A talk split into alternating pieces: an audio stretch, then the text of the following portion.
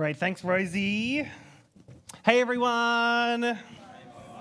My name's Miles. I'm one of the ministers here at church. And again, if you're visiting us today, it's so great that you're here. Thanks for being here this morning. It's preaching time every week at church. We have the Bible read and then we speak about it. That's the thing that we do. And so that's what we're doing now. Now, I don't know if you've been following the news, but it's almost Christmas. Oh, really? It's almost Christmas. And I don't know how you feel about Christmas. Christmas will look and feel different for all of us. And uh, for some of us, there's lots to look forward to. There's, you know, family and friends who we like seeing, or there's decorations and there's carols. Like, I love carols, they're not just for December. There's food, so much food. Like we said, we had our gingerbread uh, festivals this week. They were wild. It was so good. So many people, so much chocolate. And on Thursday, uh, I was, my Riverstone High students were here hanging out at Gingerbread Festival, and the gingerbread house making turned into an icing fight, and it was great. So much food. But not just gingerbread, there's the Christmas lunch, the Christmas dinner, the cold beer in the pool, the, the Boxing Day KFC, it's a good one. And of course, there's the presents. I love giving presents so much. I, uh, I, I don't know, again, I don't know if you've been following the news, but uh, Morgan and I have a dog. His name is Smithers, and I talk about him all the time, and I love him with my whole heart. And I bought him a present, but on Wednesday, he was just being a really good boy. So I just gave him his present early because I love him. And now I get to buy him another present, which is good because I love giving presents. There's presents, and of course, there's Christmas movies. Now, of course, last night, Morgan and I and some friends, we watched Die Hard, the best Christmas movie. It's not Christmas until Hans Gruber falls off the Nakatomi Plaza, of course. For some of us, there's just lots to look forward to for Christmas. And for some of us, there's also stuff that maybe you're just not looking forward to this year. You know, maybe you're the one who's in charge of cooking for 15 people, or you're the one cleaning the house, cleaning the spare room for extended family members. Maybe you're the one who has to endure Castle Towers or Rouse Hill Town Centre this week. You know, you're fighting off crowds over the last presences, like the hypnotic glockenspiel intro to All I Want for Christmas Is You is going over again and again. It's driving you to insanity. Maybe you're like me and just the circumference of your head is too big for those dumb paper hats. And so while everyone else gets to be colorful, you just miss out. Maybe you have to just spend time with people or spend money on people that you don't really like or that you don't really want to spend time with. And you know, for some of us, maybe maybe there are just people that you wish that you could see this Christmas, but for whatever reason, that's not going to happen. Christmas is going to be real different for all of us this year. And it's just good that we acknowledge that. But in one key way, Christmas is the same for all of us. And that is because Christmas is a celebration of Jesus. That's true. Whatever your Christmas plans are, Christmas is a celebration of Jesus. And one of the great things about Jesus, there's so many, one of the great things about Jesus is that however you're feeling, about this current season as life leads up to Christmas. However, whatever your levels of, of stress or excitement or anxiety or, or energy, whatever direction all the dials in your life are pointing, you can bring everything to Jesus and you can entrust everything to Him and you can cast your burdens on Him and you can find joy in Him and you can trust Him. He, he's got this. That's true. And so, however you're feeling as we approach Christmas this year, I hope that as we look at Isaiah 9, we will all be drawn towards Jesus. We will all leave this building or you leave the room you're in as people who are nearer to Jesus than when we walked in this morning.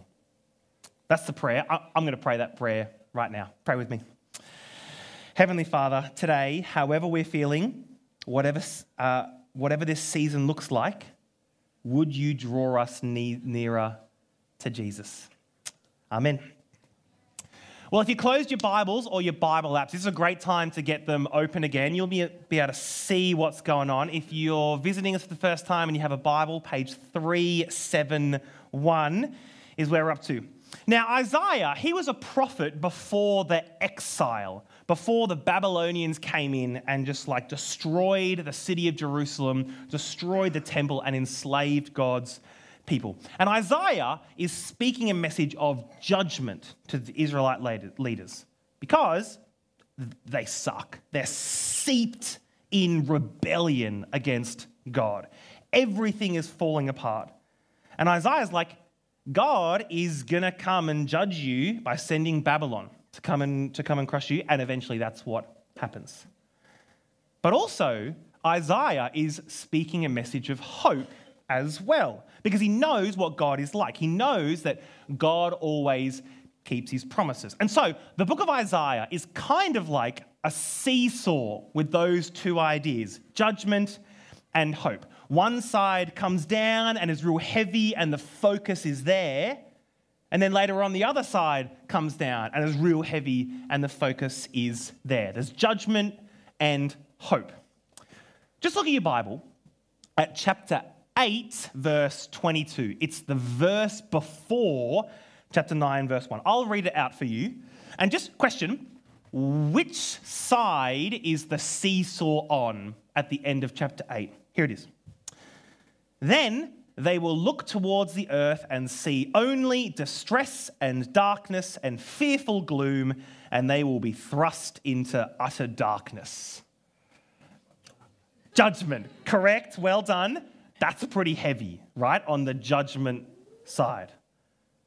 And then we get to chapter 9, verse 1. What's the first word? Can you see it there? Chapter 9, verse 1. Nevertheless. With that single word, the balance of the seesaw starts to shift. Because there's all this darkness and judgment and hopelessness in chapter 8. And then, nevertheless, there will be no more gloom. Suddenly, the seesaw just pivots. The weight is on the opposite end. Hope bursts into the scene, kind of like a floodlight turned on in the middle of the night. Just light pours into darkness. And as verses 1 to 5 were read out, there was just this picture that was being painted this picture of light and hope and victory and peace and joy. When all this comes around, people will no longer live in chapter 8 in the darkness because a light has dawned. Just look at it in verse 4. When all this comes about, there will be no more oppression or battle, but victory and peace. The, the yoke, like the yoke of an oxen, the bar, the rod of the oppressor, they'll all be broken. The warrior's clothes are destined for the fire. Can you see just the contrast between chapter 8 and chapter 9? It's very sharp. From darkness to light, from hopelessness to hope, from gloom to joy. And it's obvious, isn't it? Who's behind all this? Again, you can see him in verses uh, 1 to 5. Verse 3 You, God, have enlarged the nation. Verse 4 You, God, have shattered the yoke. This is all happening by God's hand. He's the source of this light and joy and hope. But how will He do it? What will this look like? What's the plan? Verse 6 is the plan. For to us, a child is born. To us, a son is given, and the government will be on his shoulders. And he will be called Wonderful Counselor, Mighty God, Everlasting Father, Prince of Peace. You see, all this light and joy and hope that's bursting through the darkness will come from a person. And, spoiler, it's Jesus. That's who it is. And there's lots of ways that we can know that this is Jesus. One of them is that in the New Testament, in Matthew chapter 4, Matthew's writing about Jesus and he directly quotes this passage. He's like, Remember that time Isaiah wrote chapter 9? That's Jesus. And so we're definitely talking about Jesus here. And so then, in this verse, Isaiah 9, verse 6, we see that Jesus, this child who's going to be born, will be called four names. There's Wonderful Counselor, Mighty God, Everlasting Father, and Prince of Peace. They're the four names. Now, do you think that's sensible for Isaiah to say? You know, saying what a child will be like before they're even born? Imagine Margaret Stepniewski, my mum, it's 1992, and she's pregnant, and people are like, oh, what's he going to be called? And my mum's like, yeah, I got some ideas. I'm going to call him Dr. Miles, or I'm going to call him Genius Miles, Maestro, Prime Minister, the, the world record holder of the long jump. But even if it was more realistic, she's like, he's going to be called minister, musician, able to cook several dishes competently. You know, seems foolish. What if I'd grown up to be a horse jockey? You could imagine that, right? I said this at 8 a.m., and someone was like, oh, those poor horses. It's true. I'm very tall. But here, Isaiah, he's just speaking God's words. These names are given by God, and they're amazing. And so we're just going to spend the rest of our time thinking through these four names. Firstly, the child will be called Wonderful Counselor.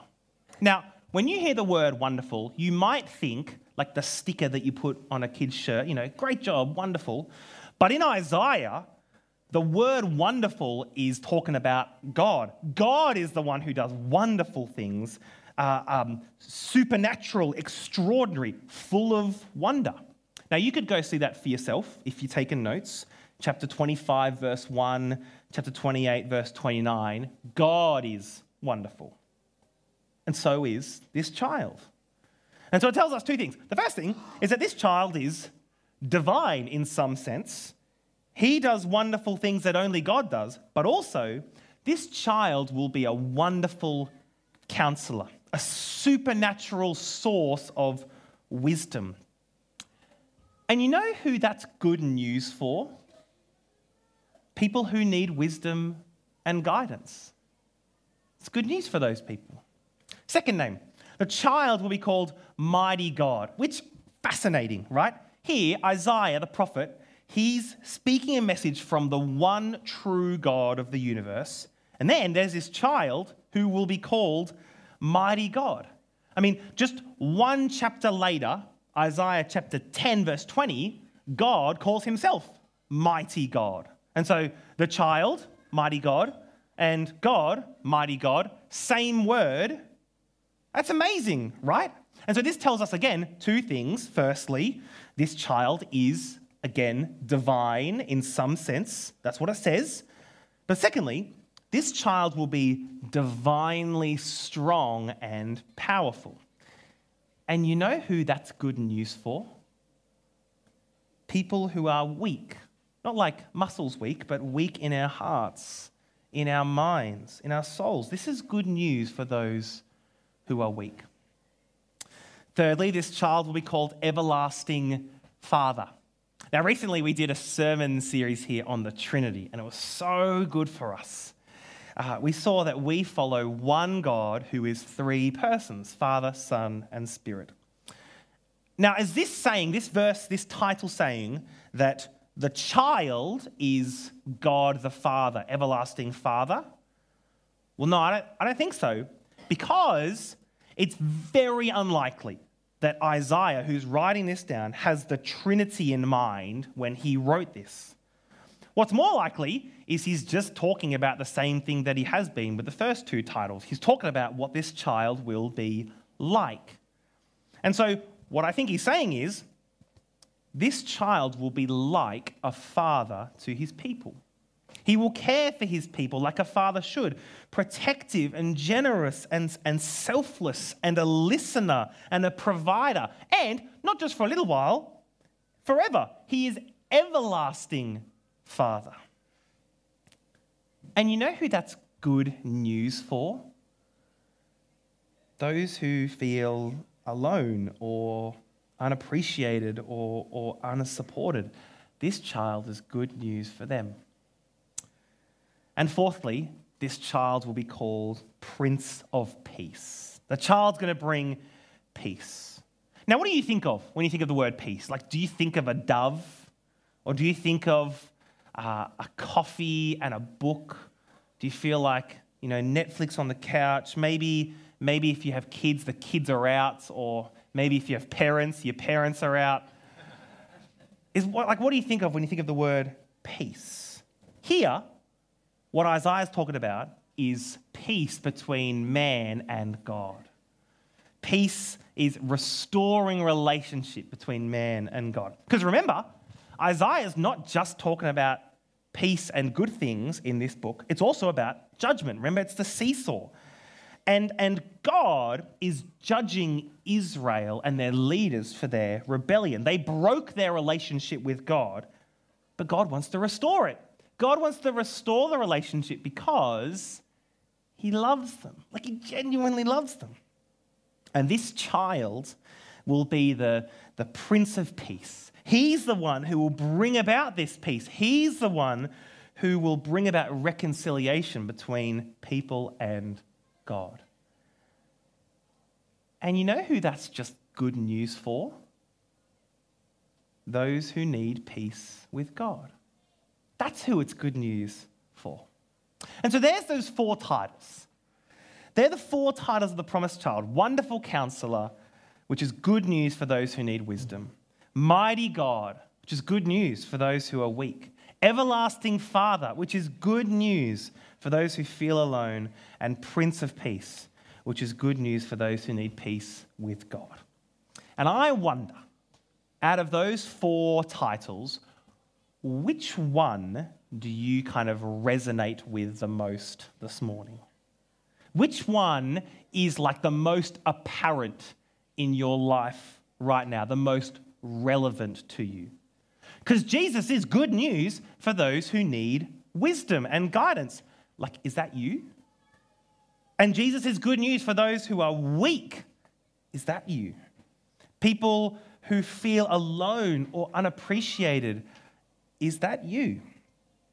And Jesus is good news for those who need peace with God. Maybe that one is you. And so, which one? Like, which one is it that you resonate with the most? Or whichever one you do, whichever one you resonate with the most, we can all look the same direction. We can all look in the same place because for all of them, they become the most clear at the cross. That's where they become the most clear. You see, Jesus was born and he grew up, and when he grew up, he was crucified. And when he was crucified at the cross, he, he displayed all those titles, again, the most clearly and profoundly. Do you want wisdom? Do you need wisdom and guidance? Look towards the cross. Look to, towards God's word, which points towards the cross. See how Jesus lived, his love and his selflessness and his kindness and his teaching, and follow that. See the wisdom of God and all his plans coming together. That's where you look if you need wisdom. You look to the cross. And are you feeling weak? weak of heart or mind or soul, then you just look to Jesus at the cross. Because at the cross, Jesus displays the ultimate power of God. He destroys death and sin, he displays God's absolute control over everything. And after the cross, three days later, Jesus like actually physically, historically rose from the dead. That is ultimate power. And then, amazing, Jesus promises to give us that power. Jesus promises to give Christians the Holy Spirit who lives in us and empowers us. The cross is not weakness and shame, the cross is power and glory, and it's where you look when you are weak. Are you feeling alone or unappreciated? Then you look to the cross. That's where you look. Because at the cross, Jesus just displays God's unconditional love for you. Jesus has treated you like a father should, giving up his life for you that you might live. You didn't deserve it. I didn't deserve it. We could never do anything to earn it, but He did it because He loves you. Or maybe the fourth one Do you need peace with God? This one's a bit trickier, I think, because today you might feel like you need peace with God, but today you might not feel like you need peace with God. You know, maybe during the week some, some stuff happened, you got caught in the rain, you're like, oh, God, why'd you do that? But like, it's fine. Your, your people are fine, your job's fine. God's not out to get you. There's no battle between you and God, right? I don't need peace. But for all of us, for every single one of us, we can't live up to God's standards. And just like Israel, back in Isaiah, we too deserve God's judgment. And so we do need peace with God. Which means for all of us, again, me included, let's look to the cross.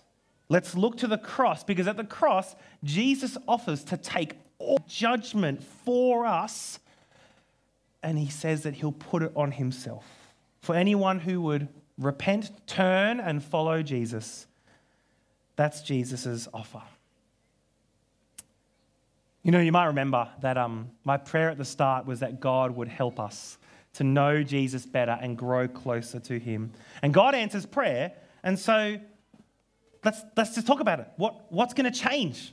When you walk out of this room today, or if you're watching from home, when you walk out of the lounge room, what's going to be different?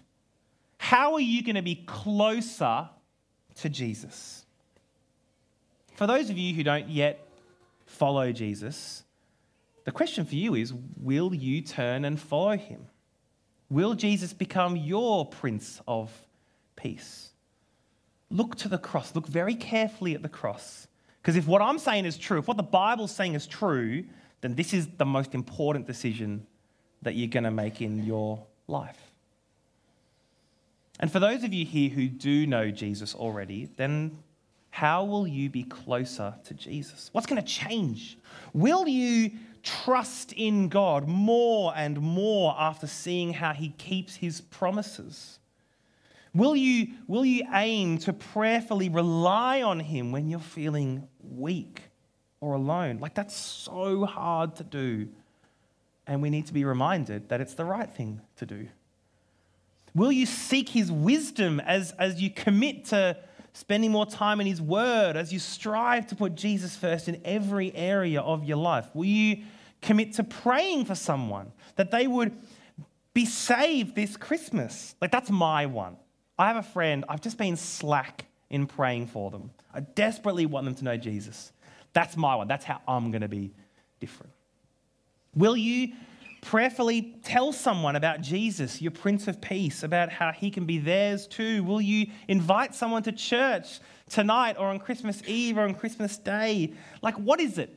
What's going to be different? How are you going to draw near to Jesus as you look towards the cross? Jesus really is a wonderful counselor. He really is a mighty God. He really is everlasting Father, and Jesus really is the Prince of Peace. It's all Him.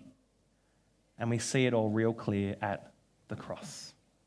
And so I'm going to pray. And I'm going to pray that for all of us that we leave this place, we would remember that. Let's pray together. Heavenly Father, thank you that we can meet together and think carefully about you and your word. And we humbly ask, Father, please, would you please help us to grow nearer to Jesus? Help us to look to the cross. And Father, please, would you help me to stop neglecting prayer for my friend who isn't yet a Christian? And for whatever it is that we all need to do, help us to do that thing as well. And Father, we pray these things for Jesus' sake, that he might receive all of the glory. Amen.